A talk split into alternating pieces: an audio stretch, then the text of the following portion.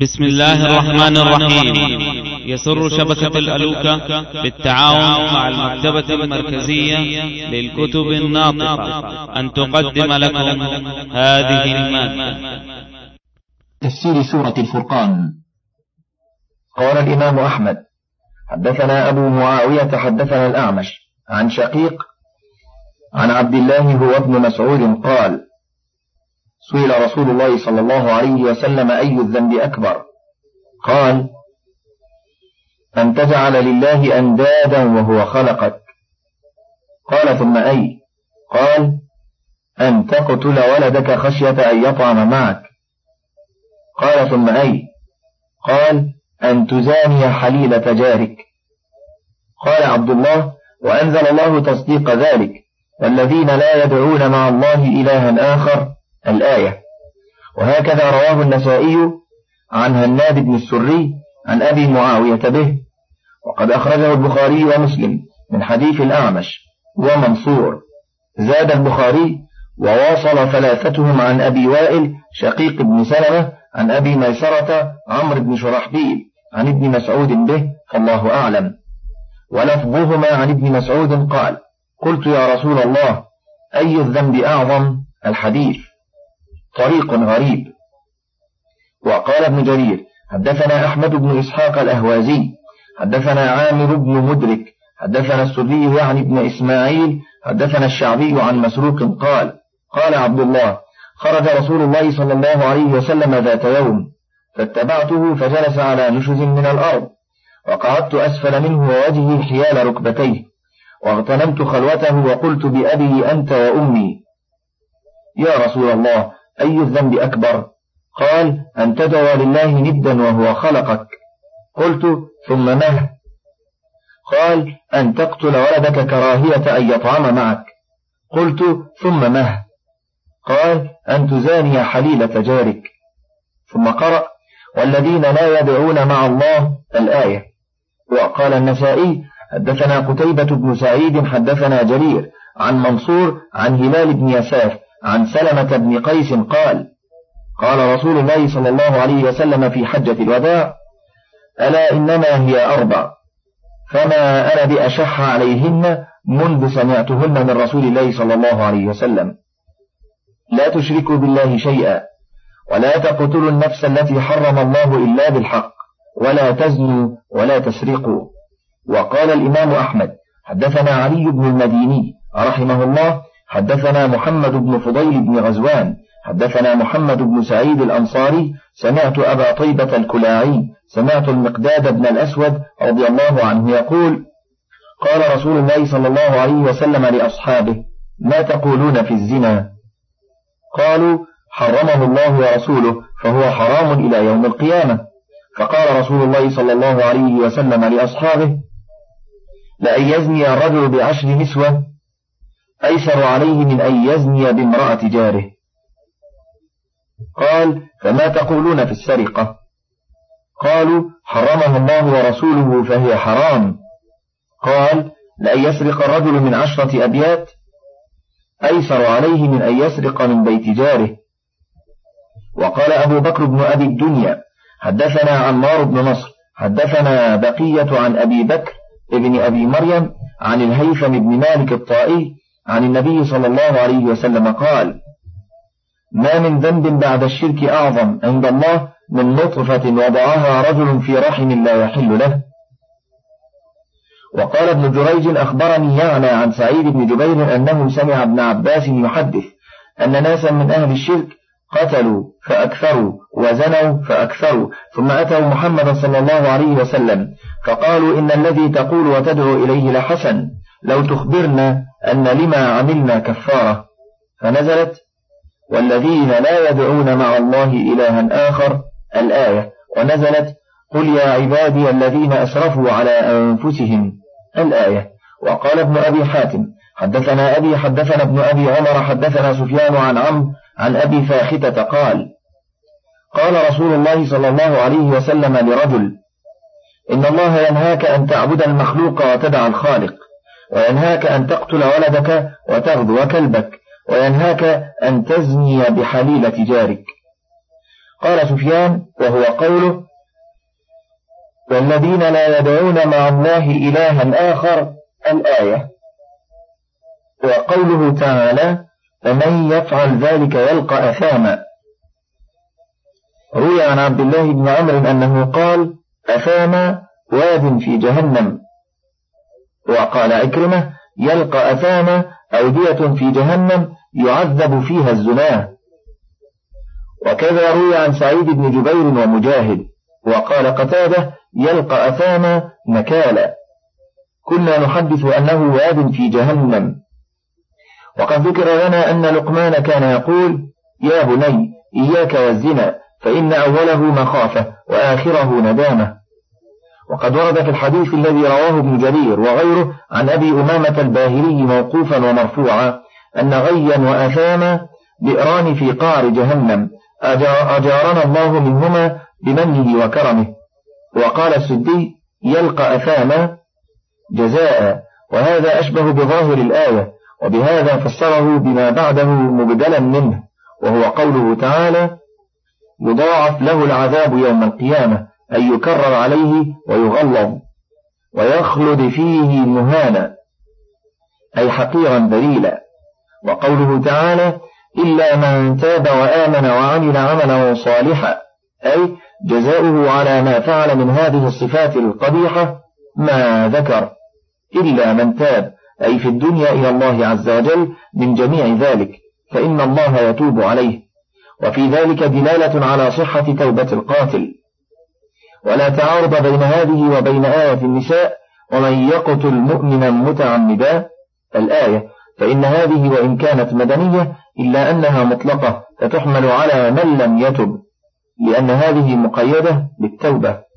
ثم قال تعالى إن الله لا يغفر أن يشرك به.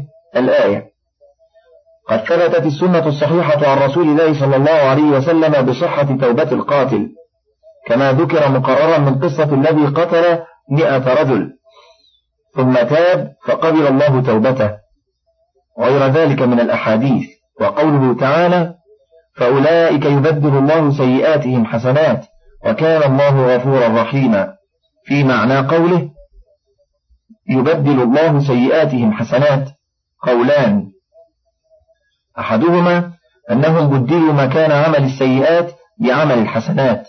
قال علي بن أبي طلحة عن ابن عباس في الآية قال هم المؤمنون كانوا من قبل إيمانهم على السيئات فرغب الله بهم عن السيئات فحولهم إلى الحسنات فأبدلهم مكان السيئات الحسنات. وروي عن مجاهد عن ابن عباس أنه كان ينشد عند هذه الآية بدلنا بعد حربه خريفا وبعد طول النفس الوجيفا يعني تغيرت تلك الأحوال إلى غيرها. وقال عطاء بن أبي رباح هذا في الدنيا يكون الرجل على صفة قبيحة ثم يبدله الله بها خيرا. وقال سعيد بن جبير أبدلهم الله بعبادة الأوثان عبادة الرحمن وأبدلهم بقتال المسلمين قتال المشركين وأبدلهم بنكاح المشركات نكاح المؤمنات. وقال الحسن البصري أبدلهم الله بالعمل السيء العمل الصالح. وأبدلهم بالشرك إخلاصا وأبدلهم بالفجور إحصانا وبالكفر إسلاما. وهذا قول أبي العالية وقتادة وجماعة آخرين. والقول الثاني أن تلك السيئات الماضية تنقلب بنفس التوبة النصوح حسنات. وما ذاك إلا لأنه كلما تذكر ما مضى ندم واسترجع واستغفر فينقلب الذنب طاعة بهذا الاعتبار فيوم القيامة وإن وجده مكتوبا عليه فإنه لا يضره وينقلب حسنة في صحيفته كما ثبتت السنة بذلك وصحت به الآثار المروية عن السلف رضي الله عنهم. هامش قوله فعن أبي ذر إلى آخره في بعض النسخ زيادة السنة بما لفظه قال الإمام أحمد حدثنا أبو معاوية حدثنا الأعمش عن المعرور بن سويد عن أبي ذر إلى آخره انتهى. فعن أبي ذر رضي الله عنه قال قال رسول الله صلى الله عليه وسلم إني لأعرف آخر أهل النار خروجا من النار وآخر أهل الجنة دخولا إلى الجنة. يؤتى برجل فيقول نحوا عنه كبار ذنوبه وسلوه عن صغارها. قال فيقال له عملت يوم كذا كذا وكذا. فيقول نحوا عنه كبار ذنوبه وسلوه عن صغارها. قال فيقال له عملت يوم كذا كذا وكذا وعملت يوم كذا كذا وكذا. فيقول نعم لا يستطيع أن ينكر من ذلك شيئا. فيقال فإن لك بكل سيئة حسنة. فيقول يا ربي عملت أشياء لا أراها ها هنا. قال فضحك رسول الله صلى الله عليه وسلم حتى بدت نواجذه انفرد بإخراجه مسلم. وقال الحافظ أبو القاسم الطبراني حدثنا هاشم ابن يزيد حدثنا محمد بن إسماعيل. حدثني أبي حدثني ضمضم بن زرعة عن شريح بن عبيد عن أبي مالك الأشعري قال قال رسول الله صلى الله عليه وسلم إذا نام ابن آدم قال الملك للشيطان أعطني صحيفتك فيعطيه إياها فما وجد في صحيفته من حسنة محى بها عشر سيئات من صحيفة الشيطان وكتبهن حسنات. فإذا أراد أحدكم أن ينام فليكبر ثلاثا وثلاثين تكبيرة ويحمد أربعا وثلاثين تحميدة ويسبح ثلاثا وثلاثين تسبيحة. فتلك مئة. وقال ابن أبي حاتم حدثنا أبي حدثنا أبو سلمة وعارم قال حدثنا ثابت يعني ابن زيد ابن يزيد أبو زيد. حدثنا عاصم عن أبي عثمان عن سلمان قال يعطى الرجل يوم القيامة صحيفته فيقرأ أعلاها فإذا سيئاته فإذا كاد يسوء ظنه نظر في أسفلها فإذا حسناته ثم ينظر في أعلاها فإذا هي قد بدلت حسنات. وقال أيضا حدثنا أبي حدثنا هشام بن عمار حدثنا سليمان بن موسى الزهري أبو داود حدثنا أبو العنبس عن أبيه عن أبي هريرة قال ليأتين الله عز وجل بأناس يوم القيامة رأوا أنهم قد استكثروا من السيئات. قيل من هم يا أبا هريرة؟ قال الذين يبدل الله سيئاتهم حسنات. وقال أيضا حدثنا أبي حدثنا عبد الله بن أبي زياد حدثنا سيار حدثنا جعفر وحدثنا أبو حمزة عن أبي الصيف قلت وكان من أصحاب معاذ بن جبل. قال يدخل أهل الجنة الجنة على أربعة أصناف. المتقين ثم الشاكرين ثم الخائفين ثم أصحاب اليمين. قلت لما, لما سموا أصحاب اليمين؟ قال لأنهم قد عملوا بالسيئات والحسنات فأعطوا كتبهم بأيمانهم فقرأوا سيئاتهم حرفا حرفا وقالوا يا ربنا هذه سيئاتنا فأين حسناتنا؟ فعند ذلك نحى الله السيئات وجعلها حسنات. فعند ذلك قالوا هاؤم قرأوا كتابية فهم أكثر أهل الجنة. وقال علي بن الحسين زين العابدين يبدل الله سيئاتهم حسنات. قال في الآخرة وقال مكحول يغفرها لهم فيجعلها حسنات. رواهما ابن أبي حاتم وروى ابن جرير عن سعيد بن المسيب مثله. قال ابن أبي حاتم حدثنا أبي حدثنا محمد بن الوزير الدمشقي. حدثنا الوليد بن مسلم حدثنا أبو جابر أنه سمع مكحولا يحدث قال جاء شيخ كبير هارم قد سقط حاجباه على عينيه فقال يا رسول الله رجل غدر وفجر ولم يدع حاجة ولا داجة إلا اقتطفها بيمينه لو قسمت خطيئته بين أهل الأرض لأوبقتهم فهل له من توبة؟ فقال النبي صلى الله عليه وسلم فأسلمت قال أما أنا فأشهد أن لا إله إلا الله وحده لا شريك له وأن محمدا عبده ورسوله. فقال النبي صلى الله عليه وسلم فإن الله غافر لك ما كنت كذلك ومبدل سيئاتك حسنات. فقال يا رسول الله وغدراتي وفجراتي. فقال وغدراتك وفجراتك.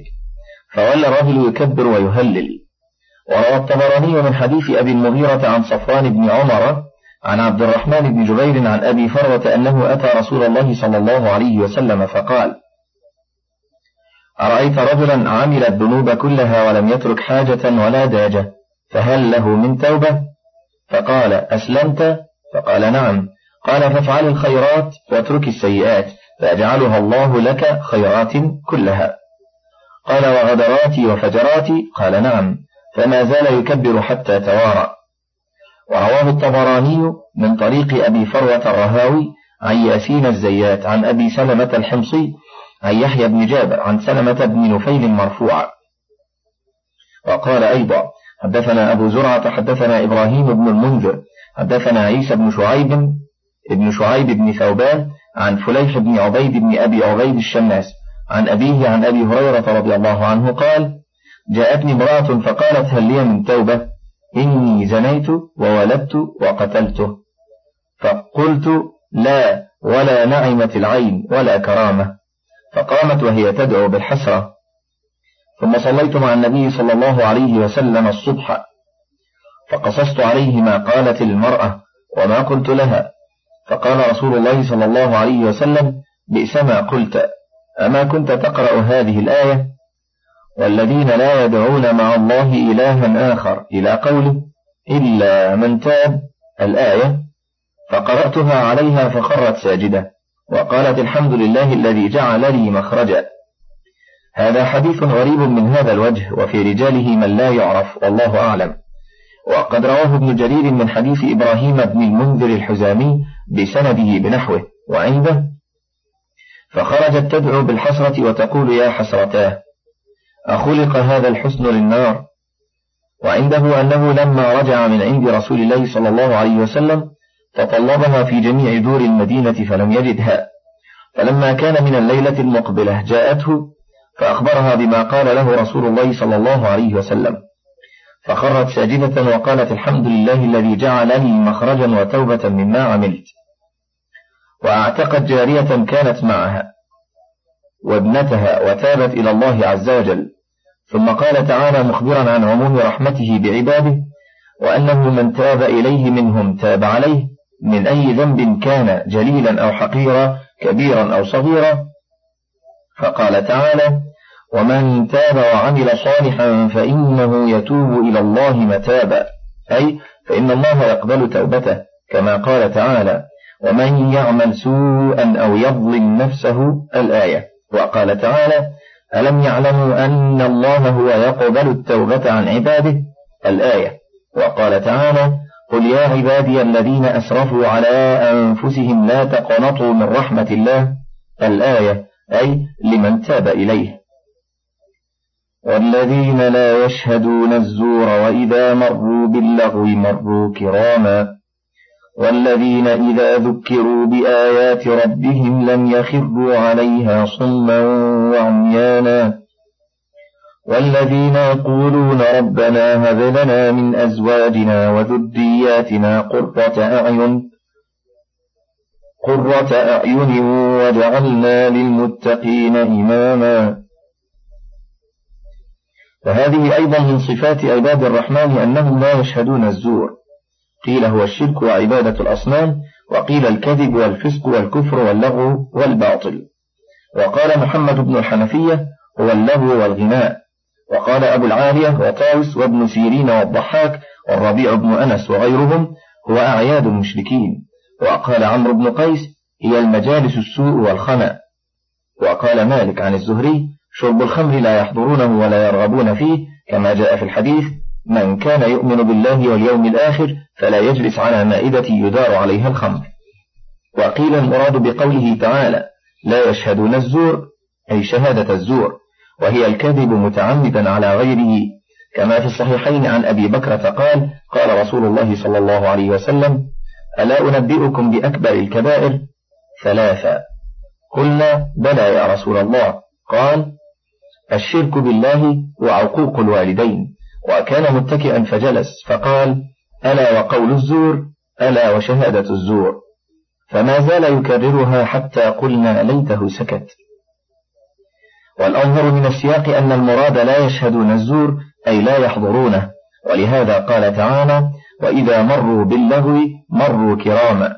أي لا يحضرون الزور وإذا اتفق مرورهم به مروا ولم يتدنسوا منه بشيء. ولهذا قال مروا كراما.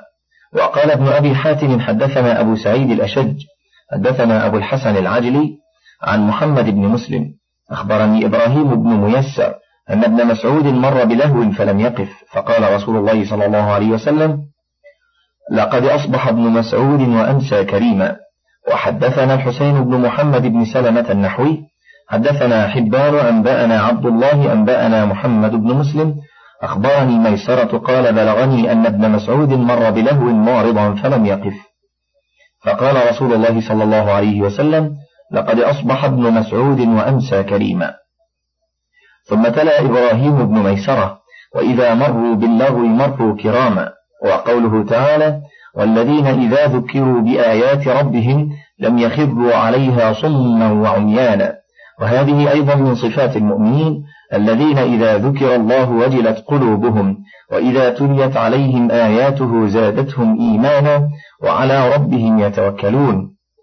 بخلاف الكافر فإنه إذا سمع كلام الله لا يؤثر فيه ولا يتغير عما كان عليه بل يبقى مستمرا على كفره وطغيانه وجهله وضلاله كما قال تعالى وإذا ما أنزلت سورة فمنهم من يقول أيكم أيكم زادته هذه إيمانا؟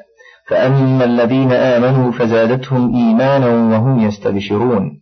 وأما الذين في قلوبهم مرض فزادتهم, فزادتهم رجسا إلى رجسهم. فقوله لم يخروا عليها صما وعميانا أي بخلاف الكافر الذي إذا, إذا سمع آيات الله فلا تؤثر فيه فيستمر على حاله كأن لم يسمعها أصم أعمى.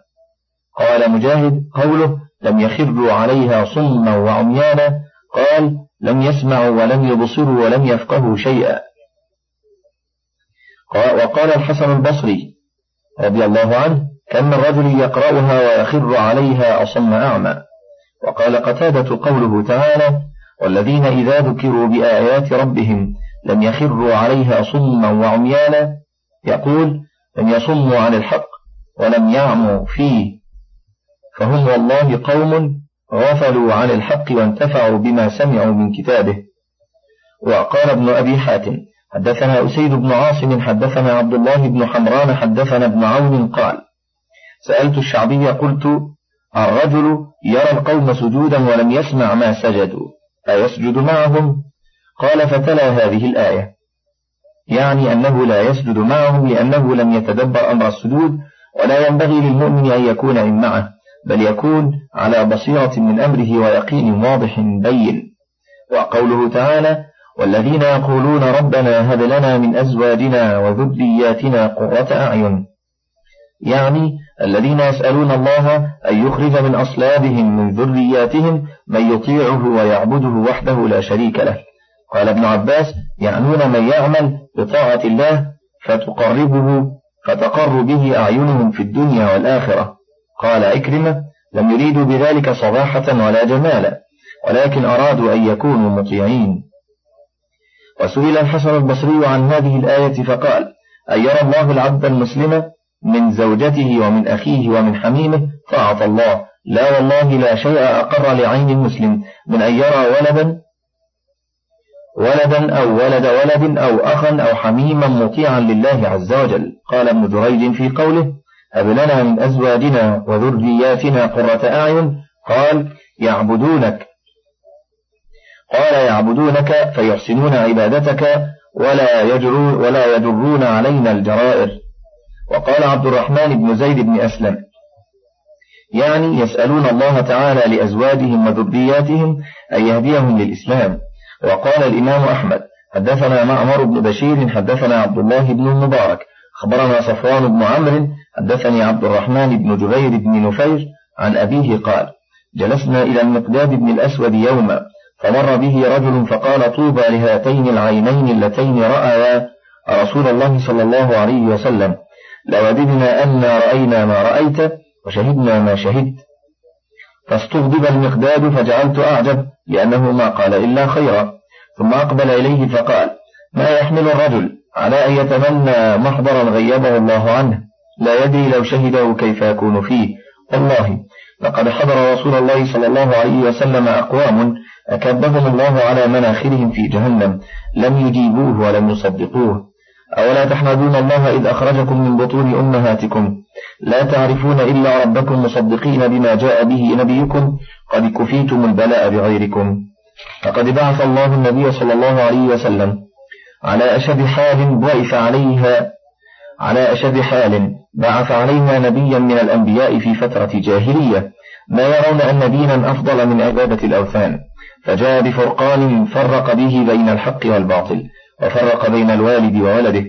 إن كان الرجل لا يرى والده وولده وأخاه كافرا وقد فتح الله قفل قلبه للإيمان يعلم أنه إن هلك دخل النار. فلا تقر عينه وهو يعلم أن حبيبه في النار وأنه التي قال الله تعالى والذين يقولون ربنا هب لنا من أزواجنا وذرياتنا قرة أعين. وهذا إسناد صحيح ولم يخرجوه. وقوله تعالى وجعلنا للمتقين إماما قال ابن عباس والحسن والسدي وقتادة والربيع بن أنس أئمة يقتدى بنا في الخير وقال غيرهم هداة مهتدين دعاة إلى الخير فأحب أن تكون عبادتهم متصلة بعبادة أولادهم وذرياتهم وأن يكون هداهم متعديا إلى غيرهم بالنفع. وذلك أكثر ثوابا وأحسن مآبا. ولهذا ثبت في صحيح مسلم عن أبي هريرة رضي الله عنه قال قال رسول الله صلى الله عليه وسلم إذا مات ابن آدم انقطع عمله إلا من ثلاث ولد صالح يدعو له أو علم ينتفع به من بعده أو صدقة جارية. أولئك يجزون الغرفة بما صبروا ويلقون فيها تحية وسلاما خالدين فيها حسنت مستقرا ومقاما قل ما يعبأ بكم ربي لولا دعاؤكم فقد كذبتم فقد كذبتم فسوف يكون لزاما لما ذكر تعالى من أوصاف عباده المؤمنين ما ذكر من الصفات الجميلة والأقوال والأفعال الجليلة. قال بعد ذلك كله أولئك أي المتصفون بهذه يجزون يوم القيامة الغرفة وهي الجنة. قال أبو جعفر الباقر وسعيد بن جبير والضحاك والسدي سميت بذلك لارتفاعها بما صبروا أي على القيام بذلك ويلقون فيها أي في الجنة تحية وسلاما. أي يبتدرون فيها بالتحية والإكرام ويلقون التوقير والاحترام فلهم السلام عليهم السلام. فإن الملائكة يدخلون عليهم من كل باب سلام عليكم بما صبرتم فنعم عقب الدار. وقوله تعالى خالدين فيها أي مقيمين لا يضعنون ولا يحولون ولا يموتون ولا يزولون عنها ولا يبغون عنها حولا. كما قال تعالى وأما الذين سعدوا ففي الجنة خالدين فيها ما دامت السماوات والأرض. الآية. وقوله تعالى حسنت مستقرا ومقاما أي حسنت منظرا وطابت مقيلا ومنزلا. ثم قال تعالى قل ما يعبأ بكم ربي؟ أي لا يبالي ولا يكترث بكم إذا لم تعبدوه فإنه إنما خلق الخلق ليعبدوه ويوحدوه ويسبحوه بكرة وأصيلا. قال مجاهد وعمرو بن شعيب ما يعبأ بكم ربي؟ يقول ما يفعل بكم ربي؟